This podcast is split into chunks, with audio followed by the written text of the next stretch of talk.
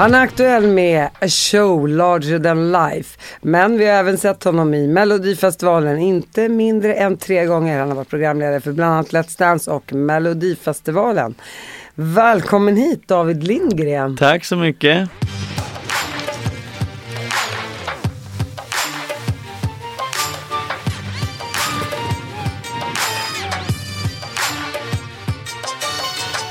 Du har tagit dig ända från Värmdö.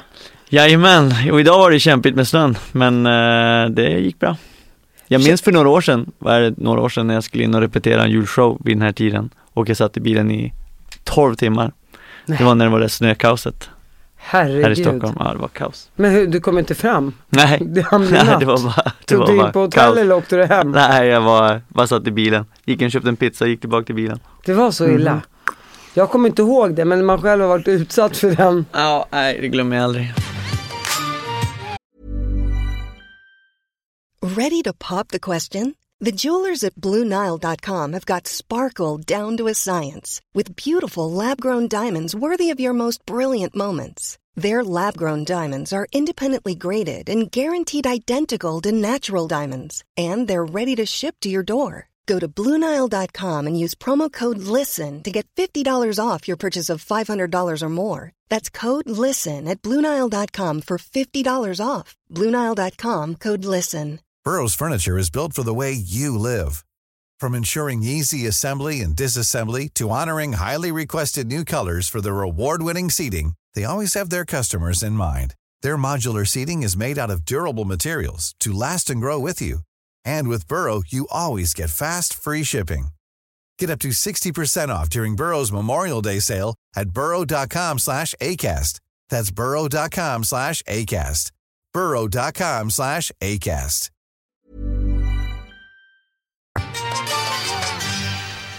David, du har ju många strängar på din lyra som man Mm. brukar säga. Men innan vi kommer in på hela din eh, framgång, för du är ju framgångsrik idag, eh, så vill jag gärna höra lite grann om din uppväxt. Mm. Who are you? Eh, vem A är larger than life. Exakt, jag är larger in life. Nej, jag är eh, ett mittenbarn. Vi jag har fem syskon, som är en stor familj. Uppvuxen i en liten by som heter Ersmark, eh, uppe i Skellefteå. Ligger en och en halv mil norr om Skellefteå typ. Och vad kan det vara, tusen invånare i den byn kanske, något sånt. Uppvuxen där med min mamma och pappa, eh, stora syster Hanna, storebror Josef, lillebror Simeon, Isak och Rebecka. Det är många bibliska namn. Jajamän, bara. Hur kommer det sig? Eh, farsan är präst så att det, det är nog där det kommer. Jag hör bara Isak, Ja. David, stjärnan och Exakt. så vidare. Ja. Ja men det stämmer. Och eh, pappa var präst i den här lilla byn så att vadå, du sjöng sen du var liten? Uh, ja, alltså jag sjöng i kyrkokören och i skolkören men uh, inte så jättemycket. Alltså det, jo men det har alltid funnits där men det var väl egentligen i gymnasiet som jag började satsa på det skulle jag säga. Och hur, var- hur var det att växa upp i en liten by med tusen invånare där alla känner alla? Eh, Var det, mycket skitsnack? Nej, det var väldigt tryggt skulle jag säga. Eh, kände mig väldigt eh, trygg när jag var liten. Det enda som vi oro... det enda som var farligt i Ersmark det var typ att man inte fick gå och leka vid älven typ. Det var liksom den enda faran jag visste så att det var ju något annat än att växa upp i en storstad liksom. Eh, så jag trivdes bra och jag spelade hockey hela livet och det fanns ju ishockeyplaner i varenda lekpark liksom. Många månader per år så att det, det var mitt stora intresse verkligen när jag växte upp, ska jag säga. Men du måste ju någonstans under uppväxten, har dina syskon flyttat därifrån? Ja, många av dem. De bor i Stockholm? Eh, Jag har en syrra här i Huddinge. Men annars så är, jag har jag en brorsa i Skåne också, men sen är tre stycken kvar där uppe. Men du har fem syskon eller ni är sex? Vi är sex stycken, ja. Ja exakt, jag bara vänta, tre, då betyder att ni är sex barn. Och vad jobbar din mamma med? Eh, Min mamma lever inte längre. Hon gick bort för några år sedan. Ja, det var tråkigt. Mm. Hon Och dog ganska ung, hon var 62 år bara. När hon gick bort. cancer Ja. eller, ja vad tråkigt. Ja, livet. Ja, verkligen, verkligen. Men jag tänker ändå när du växte upp, jag menar mammas sex barn, jobbade hon då eller var hon hemmafru? Eh, det gick lite i vågor, så hon jobbade som, eh, som eh, barnmorska. det gjorde hon. Men hon var hemma mycket när jag växte upp alltså, absolut. Det var alltid något litet barn nästan hemma. Eh, så att absolut. Det där behöver du inte berätta för mig, vi är nio syskon. Ja, ni är det? Ja, jag menar som svensk att vara sex syskon, det är, det är väldigt ovanligt. Ja men det är ganska ovanligt. Så jag faktiskt. kallar er för en arabfamilj. Do it! var det mycket tjafs och bråk mellan syskonen när ni växte eh, jo men det var ganska mycket, var det absolut. Eh, men också roligt, det var alltid, det fanns ju alltid någon liksom. Jag gjorde det. Och det märker man ju också i vuxen ålder, att man är många. Ja, ja det är en absolut. trygghet. Absolut, verkligen. Jag tänker, hur är det att växa upp med en präst? Är det väldigt liksom Guds ord i hemmet? Eh, nej, det var väl kanske lite mer så när jag var mindre, liksom när jag var liten. Då var det ganska liksom, vi fick inte spela kort till exempel. Som det skrattar vi mycket åt nu så här, för att det var liksom Det var gambling. djävulen. Exakt, exakt, exakt. Men eh, sen slappnade ju, släpptes ju ganska mycket ju äldre vi blev och eh, ja, jag vet inte, alltså ja, han Alltså min pappa hade ju alla mina kompisar som konfirmationsledare och sånt. Han var väldigt eh, omtyckt och så det var ju skönt att eh, Så att vi har drivit, drivits ganska mycket av humor hemma också tycker jag när jag, under uppväxten liksom. Så just det där eh, strikta, det var nog kanske mer i början tror jag men inte så att jag har blivit präglad av det kan jag säga. Du är ju mellanbarn också Mhm. och jag menar jag är ju näst äldst i syskonskaran och den äldsta dottern. Och jag tror att mina, min stora syster och min storebror fick ju ta mycket mer än vad jag fick och framförallt vad mina småsyskon fick ta, absolut. Absolut. Ingenting, det var bara fritt fram. Ja, lite grann så tror jag faktiskt. Man orkar inte. Nej exakt, Det det, känner man ju så. själv bara, jag har två barn och känner samma, redan med andra barn bara, nej men kör. Jag, Kör, jag är för trött, jag måste Exakt. somna om. exakt.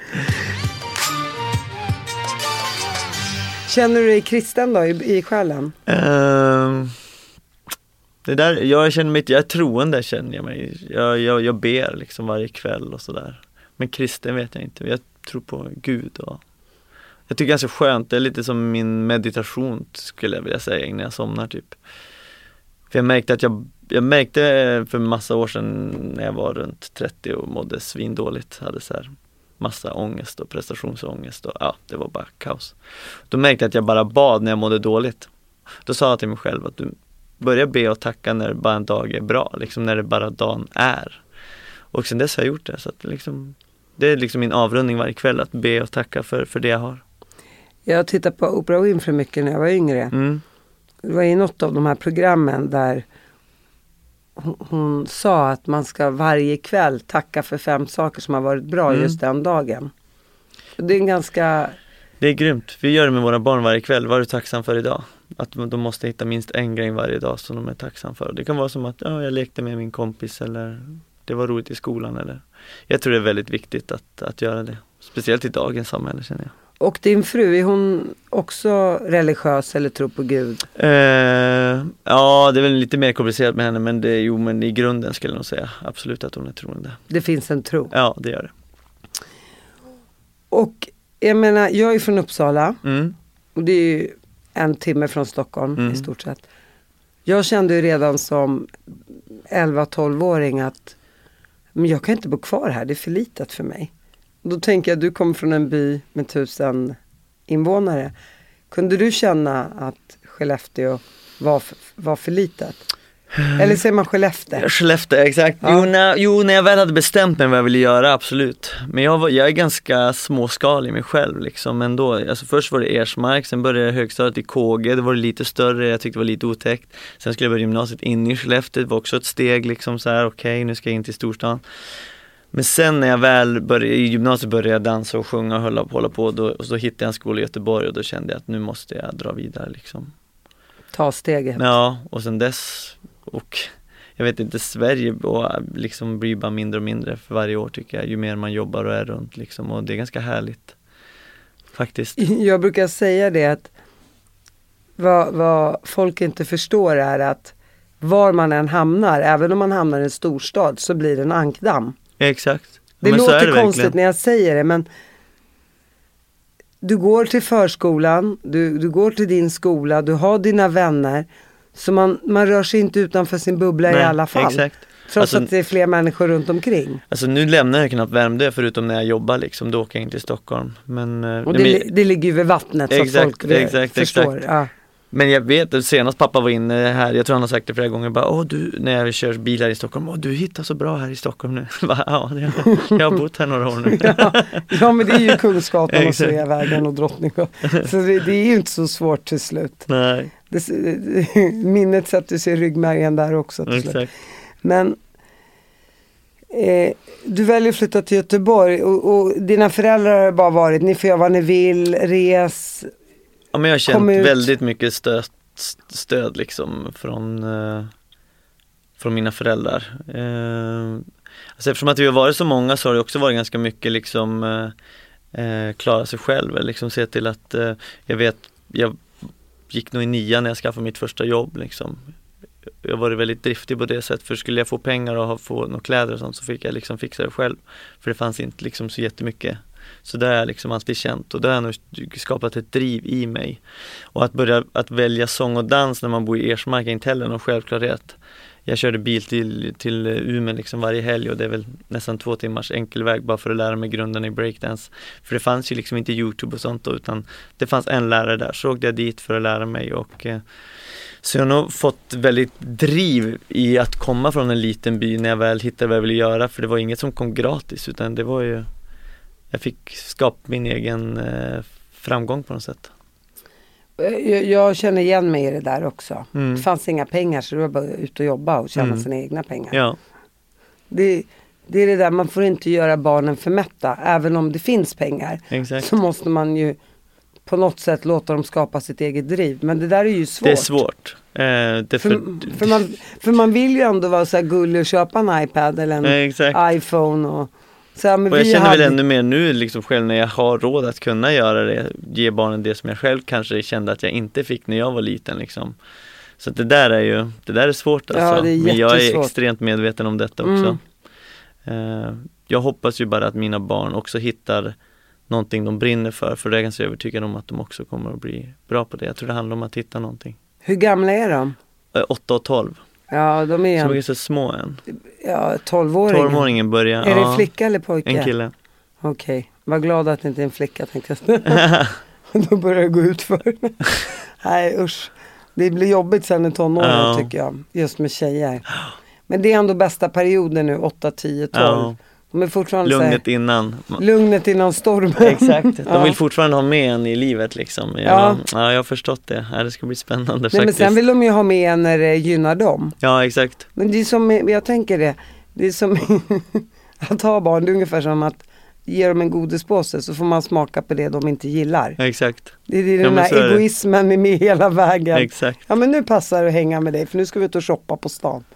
Men eh, tillbaka till, eh, till gymnasiet då, för du verkar ju ha haft mycket vänner och det har flutit på väldigt bra. Absolut. Men för mig var det ett stort steg när jag skulle välja gymnasiet för all, jag spelade ju hockey som sagt och det man valde var liksom samhälls eller barn och fritid eller natur liksom. Och jag var helt inställd på att göra det också. Men så hade jag turen att ha en, en lärare som såg mig och såg något annat liksom eftersom att jag har nog typ aldrig gjort en läxa i hela mitt liv. Jag, jag, jag gick, alltså jag, jag flöt igenom skolan bara. Jag var med på lektionerna och var charmig tror jag typ. Eh, Ja det har vi ju sett i. Let's Dance. ja men precis. Alltså det där teoretiska har liksom aldrig riktigt varit min grej. Och hon såg ju det så hon bara, "Fan, jag tycker att du borde åka på teatergymnasiet och kolla vad det är för någonting. För jag skulle alltid göra muntliga uppvisningar och showa och hålla på liksom.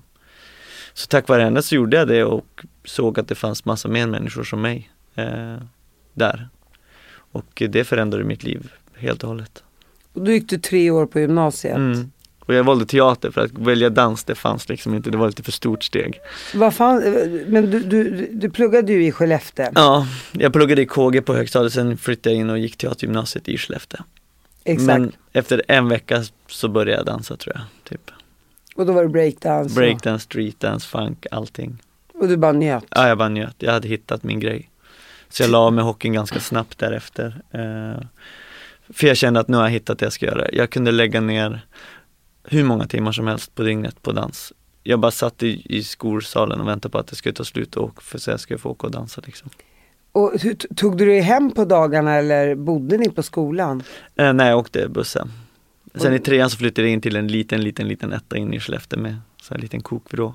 Och bara dansade, dansade, dansade. Jobbade du samtidigt för att kunna betala hyran då? Eh, ja, jobbade jag på O'Learys Sports Bar. Och, Det hade de minsann där. jajamän, och då eh, där eh, jobbade jag som servitör men jag hade också eh, shower där och sånt där. Och så här, typ quizkvällar, jag och en kompis sjöng och dansade. Och efter det då så flyttade du ner till Göteborg. Ja. Och där, jag, gick jag hittade en skola som heter Performing Arts School i Göteborg. Som var så här artistutbildning. Och det kändes eh, Jag sökte liksom, under den tiden så kom det ett program som heter Popstars. Det var det första programmet ska jag säga som Idol, liksom en talangtävling. Sökte det och kom liksom ganska långt i uttagningarna. Eh, och så efter året, året efter det kom Fame Factory första året. Jag sökte det också. Eh, och nu jobbar jag med Solfors då, med den här showen. Han var med och tog ut gänget till, till, till Fame Factory.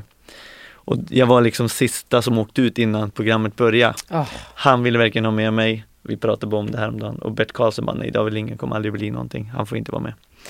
Och nu är jag ju glad att jag inte kom med utan att jag fick gå den långa vägen för det har gynnat mig väldigt mycket. För när jag ser klipp från den tiden så var jag ju extremt ofärdig alltså. Sjöng ganska illa och eh, var ganska kaxig. Eh, jag tyckte själv att jag nog var ganska bra. Men du gick i skolan samtidigt Ja. som du sökte in. Ja. Eh, och du, du säger att du sjöng ganska illa. Tog man mycket sånglektioner där på högskolan? Eh, alltså i, på gymnasiet eh, tog jag inga sånglektioner alls typ. Jag bara lyssnade på boyband och eh, härmade efter dem. Men jag tänker när du sökte Sen till... till nästa skola, absolut. När jag gick på, kom in på Performing Arts School, där var det sånglektioner. Jo men jag tänkte sökte du till Fame Factory när du gick i Göteborg? När du gick i skola i Göteborg? Eller Nej, då gick jag i? Skellefteå. Ja, Okej, ja, var det exakt, där exakt, jag, exakt. Jag, jag tappade det lite där, mitt, mitt, min hjärna hängde inte med. Då förstår jag att Så, du så inte var istället för färdig. att komma in på Fame Factory så åkte jag till Göteborg och gick en treårig utbildning som var mycket bättre för mig. En bättre skola än Fame Factory. exakt. Så Bert Karlsson hade rätt i den sekunden kan man säga. Ja men det skulle jag nog säga, jag tycker själv att jag var ganska ofärdig. Men jag, när jag slog igenom 2012 i Melodifestivalen med Shout It Out så kom Bert fram till mig och bara, jag hade fel. Det är stort. Ja det var stort faktiskt. av honom. Vad sa du då? då? Jag bara, jajamän, det visste jag då också så här. Fuck you.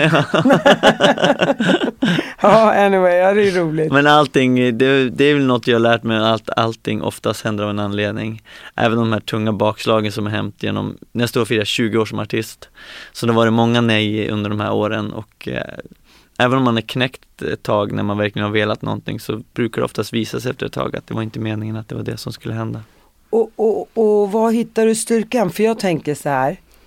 Jag är lite, jag har nog varit sådär, nej men gud de tyckte inte det var bra så då skiter vi i det. Mm. Det är lätt att, att, att, att ta den vägen så att Verkligen. säga. Vad är det som får dig att känna, ja ja men det är ett bakslag men nu reser jag på mig igen.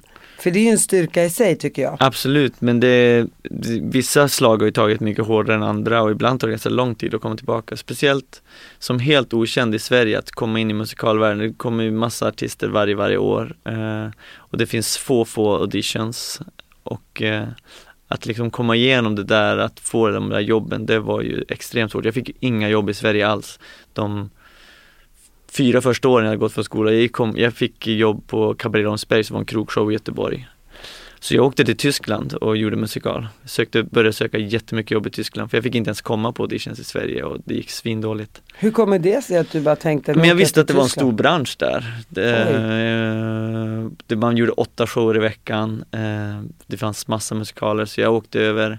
Jag jobbade onsdag till lördag på Cabaret Romsberg och sen åkte jag till Tyskland på söndagarna i hur många veckor som helst och sökte musikal efter musikal. Och till slut fick jag Mamma Mia så jag åkte till Tyskland och gjorde Mamma Mia i ett och ett halvt år typ. Gjorde närmare 400 föreställningar där på ett år. Wow, det är ju skola i sig. Ja verkligen, där lärde jag mig jobba på riktigt för där var det liksom inget utrymme för latcha utan det var bara, det ska vara exakt så här varenda kväll.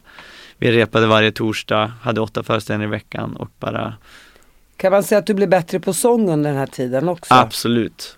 Eh, Hade det, ni sånglärare? Nej det hade man inte men eh, ju mer man gör yrket och ju mer man övar så att eh, det känner jag hela tiden. Det är väl egentligen typ först egentligen nu som 41-åring som jag känner att jag börjar hitta ett hem i min röst typ. Som jag känner att jag ja, har hittat eget uttryck på något sätt och känner mig ganska säker i mitt eh, artisteri typ. Jag tycker ändå rätt coolt, du får gärna rätta mig om jag har fel, men jag tänker då Carola Mm. som sjöng som en sångfågel redan säkert som treåring. Ja. Och så har vi dig som ja, i i stort sett knappt kunde sjunga men din passion drev dig framåt Exakt. och till slut lärde du dig det. Jag hade, man hörde i ung år att jag hade en fin ton, att det fanns något där. Men jag, jag hade inte det där självklara att man är liksom sjunger eh, rent och kan waila och hålla på utan jag har verkligen en träningsprodukt på det sättet. Det är som inom hockey, hade jag valt Säg att jag hade spelat hockey så hade jag kanske kommit till högsta ligan men jag hade inte varit en stjärna, förstår du? Det finns de som föds till att jag, det är all, alla blir inte Wayne Gretzky eller eh, liksom Peter Forsberg så att jag har verkligen drivits av min kärlek till yrket, både på sången, på dansen. Det enda som jag kanske känner att jag har naturligt, som jag känner mig väldigt trygg i, det just den här pratdelen och eh, att ta grejer på studs och live-grejen. Från det att jag blev programledare för Melodifestivalen så var det som att eh, typ allting föll på plats för, mig, för mitt eh, entertainment, alltså mitt artisteri helt enkelt. Som sagt, många strängar på din lyra. För man är ju också artist. För mig är ju artist inte bara, åh, du sjunger klockrent. Det handlar om hur du är på scenen, eh, känslan till publiken, hur du rör dig. Ja, men det är ett, ett artisteri är ju inte bara, åh, jag kan stå här och sjunga rent. Nej, Om du sjunger tillräckligt bra i mina öron och så har du det andra också så tycker ju jag att det är roligare att titta på än någon som bara står rakt upp och ner och typ blundar. Fast sjunger väldigt bra. Absolut. Nej men det är därför jag också känner mer och mer att jag titulerar mig som entertainer. Jag gillar hela paketet liksom. Jag minns när jag slog igenom där med, med Shout Out 2012 så var det massa folk som bara, nej men du måste bestämma vad du ska göra, nu ska du bara göra det här annars blir det liksom, det blir luddigt. Jag har alltid bara, nej jag vill göra allt. Vilket gör kanske att man inte blir den mest attraktiva artisten för radiospelningar. Men må så vara, jag älskar att vara ute och gigga och vara liveartist så att eh, du Ja. älskar publiken. Exakt.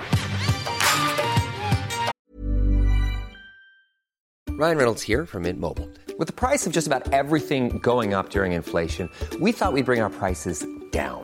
So to help us, we brought in a reverse auctioneer, which is apparently a thing. Mint Mobile unlimited premium wireless. Ready to get 30, 30, bit to get 30, bit to get 20, 20, 20, bit to get 20, 20, bit to get 15, 15, 15, 15 just 15 bucks a month. So, Give it a try at mintmobile.com slash switch. $45 upfront for three months plus taxes and fees. Promo rate for new customers for limited time. Unlimited more than 40 gigabytes per month. Slows. Full terms at mintmobile.com. I'm Sandra, and I'm just the professional your small business was looking for. But you didn't hire me because you didn't use LinkedIn jobs. LinkedIn has professionals you can't find anywhere else, including those who aren't actively looking for a new job but might be open to the perfect role, like me.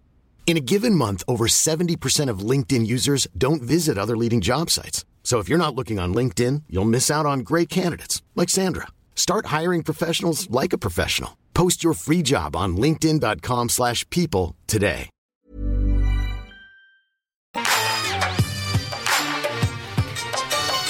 Och så kommer du tillbaka från Tyskland. Hur gammal är du då? 24? Ja, något sånt. Eh, Och vad tänker du då? Nu jäklar. nej men grejen är att jag fick mer jobb i Tyskland men jag och, jag, jag och min fru träffades i skolan i Göteborg. Vi blev tillsammans då för 22 år sedan typ. Oj, Så, eh, var det kärlek vid första Ja. ögonkastet? men vi flörtade typ ett år innan, innan vi blev tillsammans. Vi eller du eller hon eller? Båda två. Och du kände direkt den här kvinnan Hon säger att hon sa första dagen hon kom hem från skolan att det är en kille, till sin mamma, det är en kille i min klass som heter David, det är något med honom. Sa hon, har hon sagt. Så att, eh, men jag hade flickvän då i Skellefteå så att jag öppnade inte upp den dörren riktigt förrän jag liksom inte kunde motstå det längre. Och sen dess har vi varit ett, ett riktigt bra team. Vi eh, Är du lika kär idag? är ännu mer kär idag ska jag nog säga. Va? Alltså vi, ja, Vad coolt. alltså det är, eh, nej, det är något helt annat nu än vad det var då. Och vad är skillnaden? Jag vill gärna veta. Vill Eh, lära mig, please. Eh, skillnaden är att vi har gått igenom väldigt mycket tillsammans. Eh, vi har upplevt extremt mycket tillsammans. Eh, hon får mig fortfarande på lika bra humör. Hon, jag attraherar henne på ännu mer nu än då. Jag tycker hon är världens vackraste kvinna. Eh, ja, eh, vi har ett superhärligt liv. Och, och, och jag tänker då också, jag menar pojkidol och du ser ju bra ut och du är pojkig även fast du är 41 år gammal så att säga. Eh, jag känner mig som en tant i den här fåtöljen. Sluta. Ska du säga nej, du är Nej. jättefin. Ja det är du. Ja, anyway. Så, så, så tänker jag att du måste väl ändå åkt på massa frestelser. Nej. Inga Alltså, jag- bakverk, ingen tårta, ingenting. Alltså jag eh, älskar jobbet och efter det så är det hem, typ. Jag älskar hemmet och jobbet. Jag är inte ute och slirar och festar speciellt mycket kan jag säga dig. Det är liksom inte min grej riktigt. En svärmorsdröm ord. Jag är, ja, eller, eller ja, många kan säga att man kanske är tråkig också, jag har ingen aning. Men jag, Absolut inte. men jag eh, blir så uppfylld av mitt jobb, men sen är jag ganska dränerad, för jag ger väldigt mycket där jag jobbar. Så för mig är återhämtning och egen tid extremt viktigt. Men för mig är egen tid även att vara tillsammans med min fru, det är inte så att jag behöver sitta själv liksom. Men vi har ju liksom, vi har, ja vi gick i samma klass och sen, hon är ju en fram, väldigt framgångsrik musikalartist. eh, Hon just nu i Sundsvall spelar huvudrollen i Next to Normal. Vad heter hon? Kristina Lindgren. Ja, Kristina. Så vi har Så det liksom, är trevligt om man säger hennes namn tänker jag. Ja. Du kan ta om det där, Kristina ja nej men Kristina är ju eh, väldigt framgångsrik inom musikal så att hon jobbar ju extremt mycket. Eh, och vi har alltid låtit varandra fullfölja sina drömmar och, och då kan det vara så här, ja men nu är det du som får köra till exempel. Hon fick det här jobbet för ett år sedan, det är i Sundsvall och då sa jag, det är klart jag ska ta det, jag är hemma med barnen. Under den tiden så fick jag Hamburger Börs, showen på Hamburger Börs. Som jag inte kunde tacka nej till, för det var en dröm för mig. Men jag sa att jag kör barnen och allting, så att det behöver inte, det är inget som förändras för dig, det är bara jag som får steppa upp lite mer där hemma. Så att det, men det har gått jättebra. Men jo, Tyskland då. Jag fick mer jobb i Tyskland, men min fru fick Footloose hemma i Sverige, en musikal. Och då flyttade jag hem för vi sa vi kan inte bo i olika länder, det funkar liksom inte. Eh, det var slitigt alltså. Eftersom att jag jobbade åtta föreställningar i veckan och hon gjorde Rent på Göta Lejon då. Så skulle vi ses då var det hon som fick åka fram och tillbaka till Tyskland, vilket hon gjorde nästan varje vecka. Så då flyttade jag hem till Sverige efter det. Jag fick ett till jobb i Berlin annars, men eh, tackade nej till det. Så. Och då tänkte du nu jäklar ska jag ta Sverige med storm. Exakt, ja jag fick Valmans nere i Helsingborg så att det var ett, för mig i mina ögon så var det ett steg tillbaka för jag ville verkligen vara musikalartist. Men det var väldigt kul att jobba, jag älskar ju show. Eh, och nu när jag har jobbat i många år så märker jag att jag trivs mycket bättre i show än i musikal. Jag tycker att jag själv kommer mycket mer till min rätt när jag gör shower än när jag gör musikaler. Ja men då får du vara dig själv. Exakt. Och jag är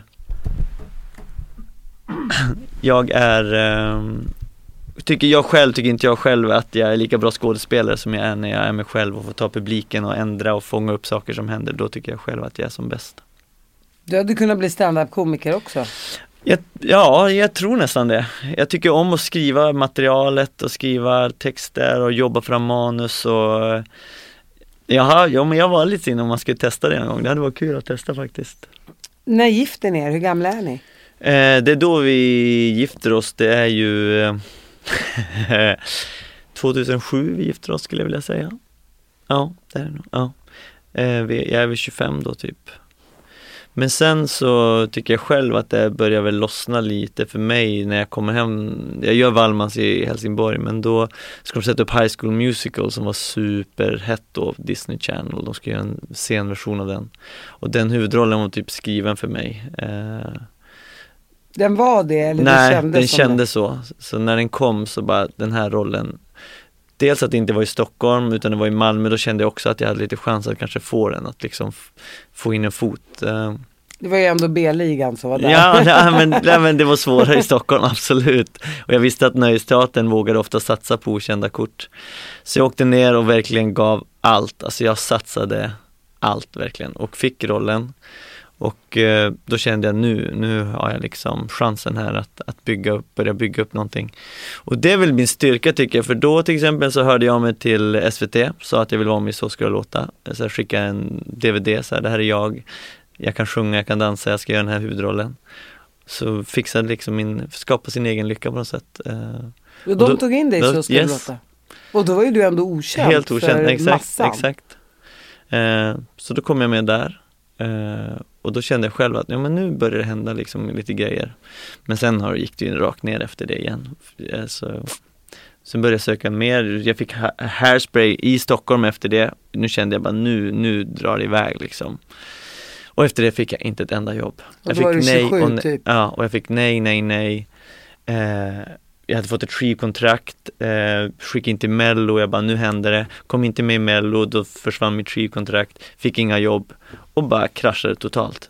Det var i, min, i mitt då ganska korta liv var en riktigt bakslag. Då kände jag att allt jag hade byggt upp, nu är jag liksom på minus igen. Vad tror du det här berodde på? Eh, jag vet inte. Eh, nu när jag ser i backspegeln så var det för mig var det skitbra för det gjorde att jag hittade glädjen igen. För jag, när jag gjorde High School Musical tänkte jag bara, okej vad kan det här leda till? Sen gjorde jag Hairspray, okej vad kan det här leda till? Vad kan det? Jag njöt inte av att vara där speciellt mycket, utan hela tiden bara, vart tar det här mig vidare i min karriär? Så under Hairspray så började jag bygga upp ganska mycket scenskräck som jag aldrig hade haft i hela mitt liv. Fick panikångestattacker liksom på torsdagar när jobbet skulle börja, när jag visste att jag skulle jobba, fick jättemycket jätte, jättemycket panikångestattacker, fick eh, scenskräck, fick yrsel på scenen och eh, jag tror att det var det bästa som kunde hända att jag inte fick något jobb efter det. För då fick jag stanna upp och så fick jag, ringde de och frågade mig hur det var med i Sing in the Rain på Malmöoperan. Ingen roll, ingen stor roll, jag var bara med ensam, jag hade en replik. En replik En replik hade jag. på hela showen? Ja, men jag var med i ensemblen och dansade och sjöng liksom. Men jag hade liksom en egen replik. Men under den, de tre månaderna så hittade jag glädjen. Jag hade så roligt på scenen, för jag hade ingen press. Det var inte upp till mig någonting att det skulle bli en bra show, utan jag var bara där. Så det gav mig liksom glädje igen. Eh, Det blev lite som eh, på gymnasiet. Exakt. Så det, det var därför det hände. Så att jag är superglad, för jag kom in i en ganska dålig spiral där. Så det var helt eh, enkelt det som skulle hända mig. Och så bodde vi i en jätteliten lägenhet vilket ledde till att eh, min fru blev gravid. så eh, vi fick eh, liksom Det kan hända en stor lägenhet. Ja men det fanns mindre att göra i den lilla lägenheten. Så, Men då var ni ju gifta också. exakt. Så du, det var inget som var haram som vi säger Nej exakt, exakt, nej det var by the book. By the Bible. Exakt, by the Bible. Så att jag är jätteglad för det. Men just då var det extremt svårt att se det. För det kändes som att jag hade jobbat så hårt för någonting och så bara ledde det ingenstans dit jag ville. Men ja, allting hände av en anledning. Sen så gick det tid, några månader, sen hörde de av sig så här och sa, då var det ju 2011 att de skulle göra en show med Thomas Ledin på Rondo eh, och de ville ha en ung variant av honom i showen, någon som skulle spela honom som ung. Och då hade producenterna tänkt på mig. Och då sa de, men Thomas vill träffa dig. Och eh, så jag träffade Thomas Ledin i typ ett sånt här litet rum. Han satt med gitarr och vi sa hej, han bara, jag vill att du ska sjunga. Så jag satt där och sjöng hans låtar med honom. Men det blir mer att vi bara satt och pratade, sen fick jag jobbet och han sa sen, du vet, då fick jag höra sen att du fick jobbet bara för att det första du sa, det enda du pratade om var typ din son och din familj och han tyckte om det så mycket att det var liksom det som var mitt fokus på något sätt. Och sen fick jag det här jobbet med Thomas på Rondo det var fantastiskt alltså. Spelar du några instrument? Nej, jag spelar lite, lite piano men inte så här så att jag och under den perioden då var det en regissör som hette Edvard af som, som regisserade, som du vet nog vem det är, Mm. som regisserade Ledin-showen. Då vill man ju bara säga att han har ju regisserat det mesta här i Sverige. Exakt, just nu, nu, ja, nu gör han ju allt. Han, han, är ju, han är ju ett geni, Edvard. Verkligen. Och på den tiden var jag ju väldigt inblandad i Melodifestivalen. Mm. Och jag var så här, jag vill liksom in i Melodifestivalen men jag vet inte hur jag ska komma in. Jag, jag, jag känner att jag har något jag kan göra där. Eh, han bara, men jag kan fixa ett möte med Björkman om du vill så kan du prata med honom. Bara det- by the way. Ja, det var under tiden vi repade Ledin så då fick jag ett möte med Björkman och då hade jag med mig en CD-skiva med tre låtar. Det var typ Chris Brown, Usher och Justin Timberlake tror jag. Det här skulle jag vilja göra i mello. Jag skulle sjunga en sån här poplåt och jag skulle vilja dansa. Han bara, ja men vad bra, då vet jag. Och så går det några veckor och så ringer Edvard eh, och bara, det är en söndag, jag minns det så väl. Jag var i Göteborg på breakdance jam, kollade på breakdance i en tunnel. Det var så utomhus. Och så ringer Edvard, han bara, du eh, Björkman kommer nog ringa dig för att eh, Danny Saucedo har två låtar. Och imorgon är presskonferens så han måste bestämma sig vilken, men Björkman ville ha med båda låtarna. En heter Amazing och den andra heter Shout It Out. Och eh, den han inte vill ha kan du nog få. Så ringer Björkman och sa så här, ja Danny vill inte ha en låt som heter Shout It Out, jag skickar den till dig. Och jag bara älskade den direkt, alltså det är fortfarande en fantastiskt bra låt. Kan du sjunga lite på den? So put your hands up to the sky I wanna see you wave them high Och eh, jag bara Jag satt och njöt här, kan du inte fortsätta? Nej men så fick jag den och eh, han bara, ja, men du får vara med i Mello med den här om du vill eh, Men presskonferensen är imorgon, jag var i Göteborg så du måste vara i Stockholm imorgon klockan åtta på morgonen. Så jag ringer till Thomas Ledin och bara shit jag får, har fått en låt i Mello, kan jag få ledigt från showen om jag kommer med, eh, liksom nu när jag kommer med? Han bara skicka låten så jag får höra på den, så skickar den till honom, han bara shit en bra låt, det är klart du får vara ledig. Producenterna godkände också så jag åkte dit till Stockholm var med på presskonferensen och fattade ingenting. Vad är det som händer? Du vet så här, ingen visste vem jag var, jag visste inte vad jag gjorde där. Och ingen intervjuade mig nästan, det var liksom inget intresse runt mig överhuvudtaget. Jag kom in dagen innan, ingen trodde på mig alls. Men jag kände hela tiden att jag har en så jävla bra låt, ingen fattar hur bra låt jag har. För de tänker när man trillar in i sista sekund, det här är bara någon utfyllnad. Och jag har aldrig satsat på någonting så mycket i hela mitt liv. Alltså jag övade på den där låten varje dag nästan. Jag gick in på Rondo, fick köra min låt i systemet, öva på scen innan publiken kom, stod själv på scenen. Och eh, jag visste att jag var tvungen att göra något som liksom wowade så jag bara, jag ska göra breakdance, jag ska ner och göra windmill liksom. Jag ska visa att jag är en breakdansare liksom. Så jag körde windmill i, och då var på skivbolaget bara, nej du är, du är stjärna nu, du ska inte ner och snurra på golvet. Jag bara, jo jag ska göra det för det kommer att göra att jag sticker ut liksom. Jag var så säker på min grej. Och min, min fru Kristina, jag bara, du måste göra mina kläder för du vet exakt vad som fixar och jag vill ha kostym, jag ville vara slick, jag, vill, jag var så inspirerad av Justin Timberlake liksom. Så jag kom in där första gången i Göteborg, Skandinavium och de ropade vilka som skulle tävla och de jublade, jublade, så var det mitt namn, det var ganska tyst för ingen visste vem jag var typ. Du bara, nu jäklar. Ja, exakt så. Och i slutet av kvällen så skanderar, det står mellan mig och Thomas Di Leva, antingen åka ut eller gå direkt till final. Och hela Skandinavien ropar mitt namn. Första, Första deltävlingen. ja men jag tänker, var det andra chansen eller första chansen? Nej, direkt till final eller Direkt åka i ut. finalen, Ja. eller åka ut. Åh nej vad jobbigt. Och hela Ändå mot Thomas Di Leva. Exakt, exakt. Och jag tror hela Skandinavien skanderar mitt namn alltså. Det var helt sjukt. Och så gick jag vidare direkt till final. Ingen, trodde, ingen såg det komma liksom. Och det, ja, man ser, alltså det Är det här ett- ett av mina- 2012 då, Ja, februari där? Exakt, ett av mars, mina ja. bästa liksom artistiska minnen i mitt Moment. liv. Ja. Och hur gick det finalen sen? Man Jag har ju sett det, men man Jag har kom, glömt nej, bort. jag kom delad trea med Ulrik Munter. Loreen vann, Danny kom tvåa och så var det jag och Ulrik Munter på delad tredje plats. Jo, man måste ju ändå ge Loreen den vinsten. Ja, ja, det var inget snack, alltså det var ju, men för mig var det en vinst bara att liksom, alltså det var, Ja, fantastiskt.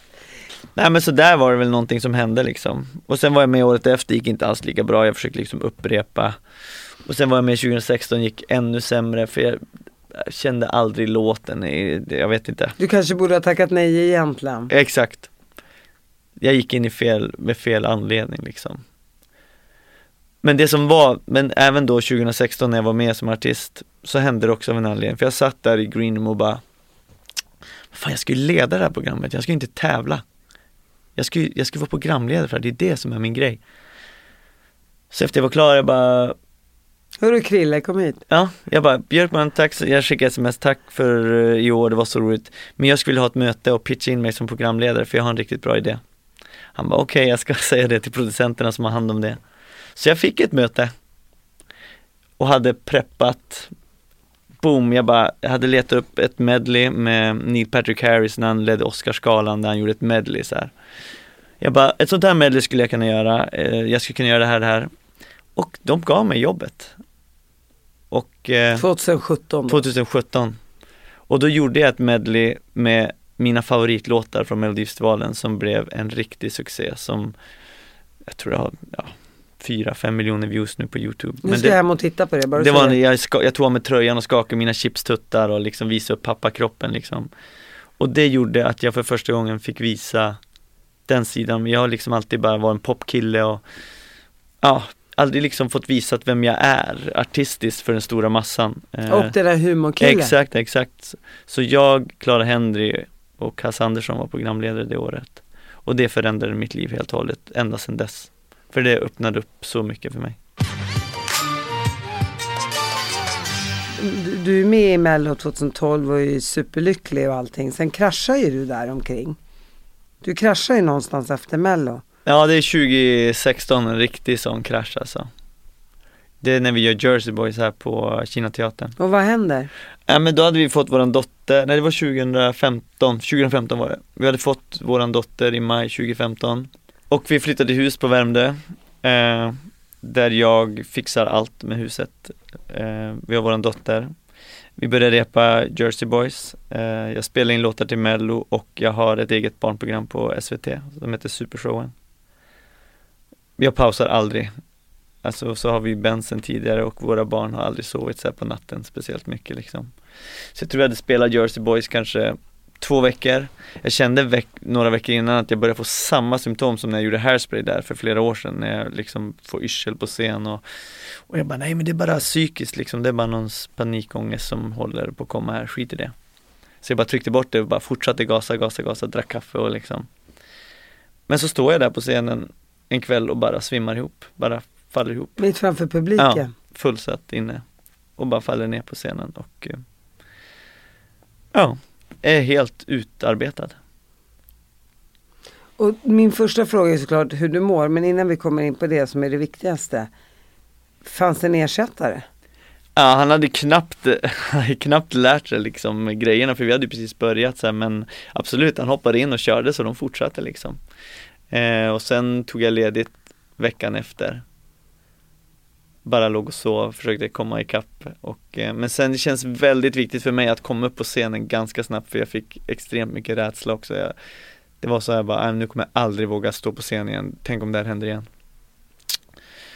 Och det, min första show efter jag svimmade är nog min värsta, min värsta show i mitt liv tror jag. Jag eh,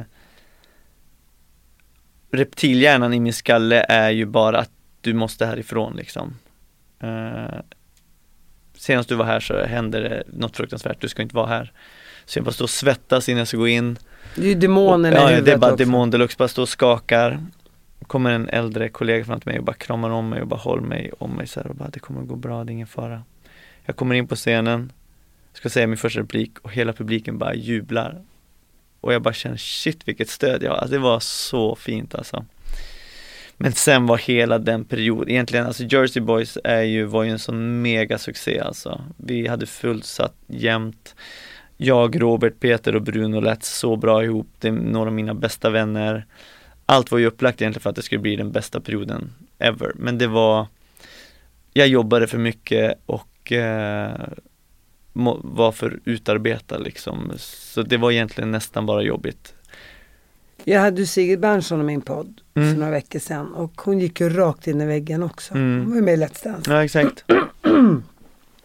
Jag hade Sigrid Bernson i min podd och eh, hon hon blev ju också utarbetad. Eh, och bara gick rakt in i väggen. Men du vet det tog ju henne jättelång tid innan hon kom tillbaka. Du var ju Ja. ändå tillbaka på scenen efter en vecka. Mm. Men jag skulle nog haft pausat längre egentligen. Men hon, hon, hon, hon kom inte upp ur sängen. Nej. Så hennes var nog ännu djupare Ja, ja alltså din. verkligen, verkligen. Eh, Och din fru och, och dina föräldrar, var de oroliga för dig under den här perioden? Eh, absolut, absolut. Alltså det var Men jag lärde känna mig själv så mycket så att egentligen även där är det något positivt som har eh, hänt av det där. För jag har lärt mig att Som nu senast när vi var på Kina teatern så jag spelade huvudrollen i Saturday Night Fever Tillsammans med min fru som spelade den kvinnliga huvudrollen Vilket var helt magiskt att vi fick göra det tillsammans Men innan jag gick in i det till exempel så sa jag till mina bokare, nu är det bara det jag gör Inga gig utöver det här, jag kommer inte att göra något annat Och då gick det bra som helst, jag njöt hela tiden Du Eh, lyssnar på kroppen. jag har lärt mig att jag kan inte göra tre stora projekt samtidigt.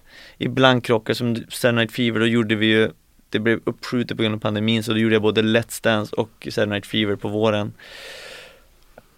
Men det gick bra, för jag har lärt mig att då får jag lägga mig och sova en timme mitt på dagen. Eh, jag måste liksom, så att det är ganska härligt också att lära känna sig själv. Eh, och det är när det händer sådana där grejer, när man trillar ner, så man lär känna liksom vart gränsen är. För nu känner jag av direkt om det är så här, jag, annars om jag står i kön på ICA till exempel, då kan jag få en panikångestattack om jag är utarbetad. Jag känner mig fast, jag, jag kan inte stå, jag måste härifrån, börja skaka och börja svettas få hjärtklappning. Och när jag börjar få sådana signaler att jag, eller att jag märker att jag är mer arg i trafiken och sånt, då bara okej, okay, är det lite för mycket nu? Är det liksom, måste vi bromsa? Har du gått och pratat med någon? Massor med gånger. För några år sedan, typ om jag jag, jag köper på dagen, kanske håller på hemma och bygger någonting och jag börjar känna att jag är trött vid fyra, då skulle jag kanske bara ta en kopp kaffe och bara Ja, yeah, kom igen barn, nu kör vi, kör vi och så åker jag till jobbet. Men nu är det så här, okej, okay, nu vet ni, pappa måste gå och lägga sig en timme nu, jag går och lägger mig. Så går jag och lägger mig en timme där mitt på dagen för, för att veta att jag ska orka med jobbet. Eftersom att mitt jobb är så roligt så tänker man inte att det tar energi, men det tar ännu mer energi för mig nu kan jag säga när jag är 41 än när jag började för 20 år sedan. Såklart, vi är ju äldre också. Ja, ja, alltså återhämtning, söndag, måndag är jag ganska trött alltså efter en hel helg. Du har aldrig haft barnflicka eller hjälp med era barn? Absolut. Det måste vi ha för både jag och Kristina jobbar ganska mycket helger. Det var det jag tänkte. Vi... Eller lagar mat själv och bara hej då, nu går vi och lägger oss. Ja exakt, nej det gör de inte, nej. Men det, nu när jag är på börsen så kan jag vara hemma ända till sju så då hinner jag ändå vara med på middagar och sådär. Men eh, vi har haft fantastisk hjälp och vi märkte ganska fort, för vi båda älskar vårt jobb och vill jobba att vi inte kan använda familjen hela tiden varje helg. Det blir skuldkänslor och det blir fel liksom. Eh, så att vi har absolut haft hjälp. Det är så himla svenskt att hela tiden känna skuldkänslor. Mm. Jag vet inte, jag, jag måste vara väldigt mycket arab där för jag känner aldrig skuldkänslor. Oss emellan jag gör inte heller det jätteofta men min fru däremot. ja men jag är ju kvinna. Jag borde väl vara lite moderlig. Hur känns det idag när allting bara rullar på? Du är 41 år gammal. Eh, nej men jag tycker att det funkar skitbra. Jag är extremt, eh, fortfarande väldigt hungrig och eh, jag har börjat skriva mycket mer musik och eh, eh, släpper låtar själv. Jag har inget skivbolag, känner att liksom jag har fortfarande en hunger och ett driv att göra mera och liksom eh, Men det är på en bra nivå. Alltså jag har världens roligaste jobb, Hamburger Börs. Vi ska vara på Rondo nu till hösten med showen. Det är i Göteborg. I Göteborg, exakt. Show Large in Life. Och eh, ha tid med familjen. Eh, jag vet så jag tycker jag är på en väldigt bra plats. Eh. Men de biljetterna det är till 12 september nästa år? Exakt. Men man kan börja köpa dem? Ja, men vi släppte dem här om, häromdagen så att det är bara in och köpa. In och shoppa. Det är världens bästa show faktiskt. Nej, Berätta så, om den. Eh, nej men det är ett drömprojekt för mig, alltså det är boybands eh, hitsen som vi kör. Eh, boyband är liksom den största anledningen till varför jag håller på idag.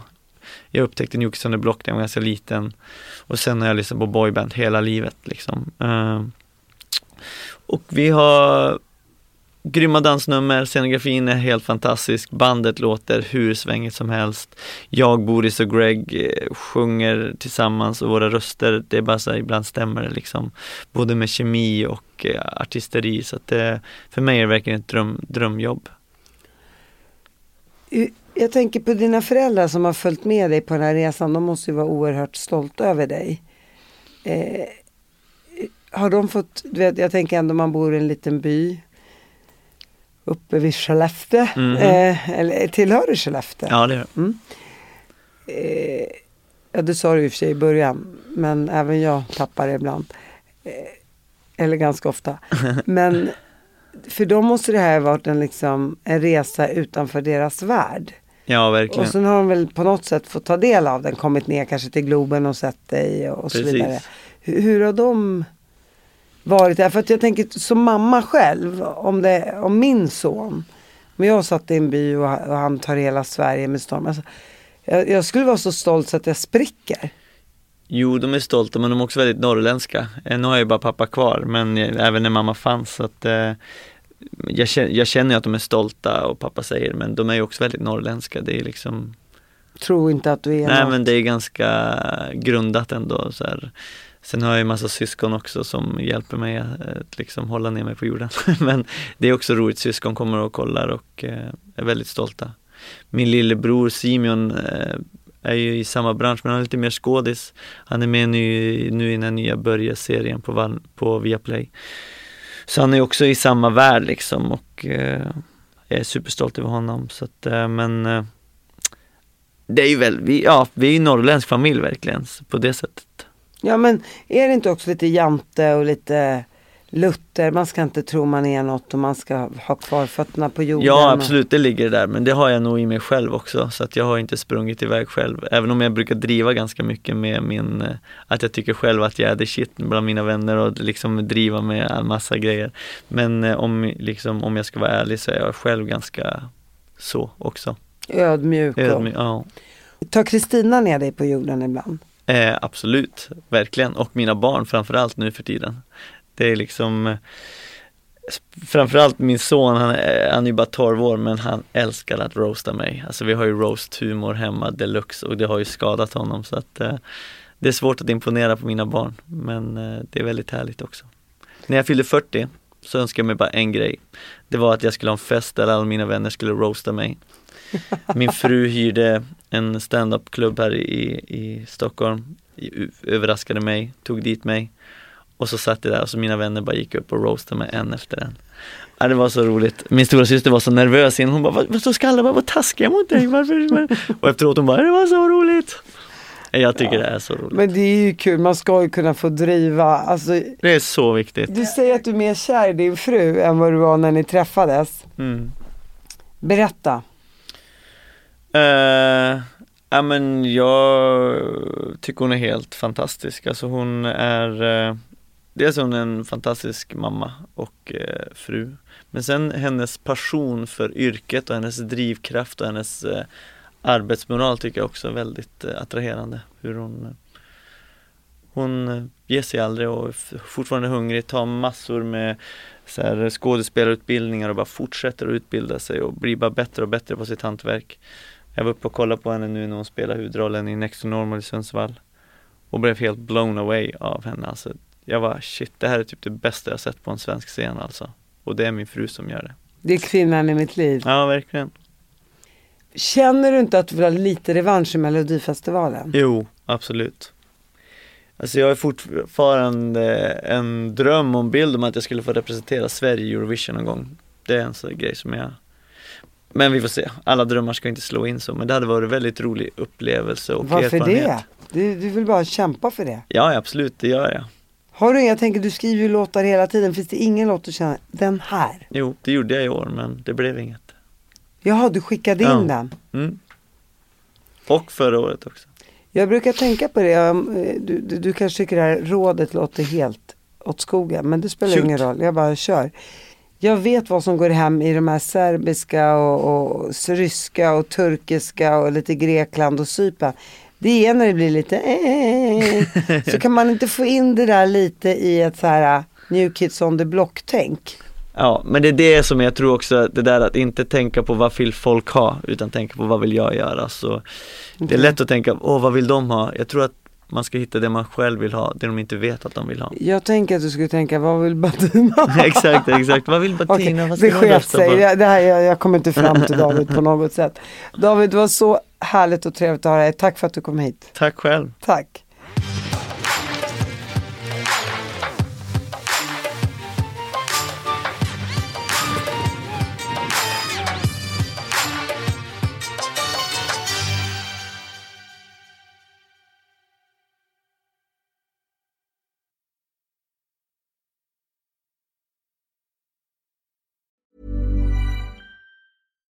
Deserves the best, and there's no better place to shop for Mother's Day than Whole Foods Market. They're your destination for unbeatable savings, from premium gifts to show-stopping flowers and irresistible desserts. Start by saving 33% with Prime on all body care and candles. Then get a 15-stem bunch of tulips for just $9.99 each with Prime. Round out Mom's menu with festive rosé, irresistible berry chantilly cake, and more special treats. Come celebrate Mother's Day at Whole Foods Market. Even when we're on a budget, we still deserve nice things.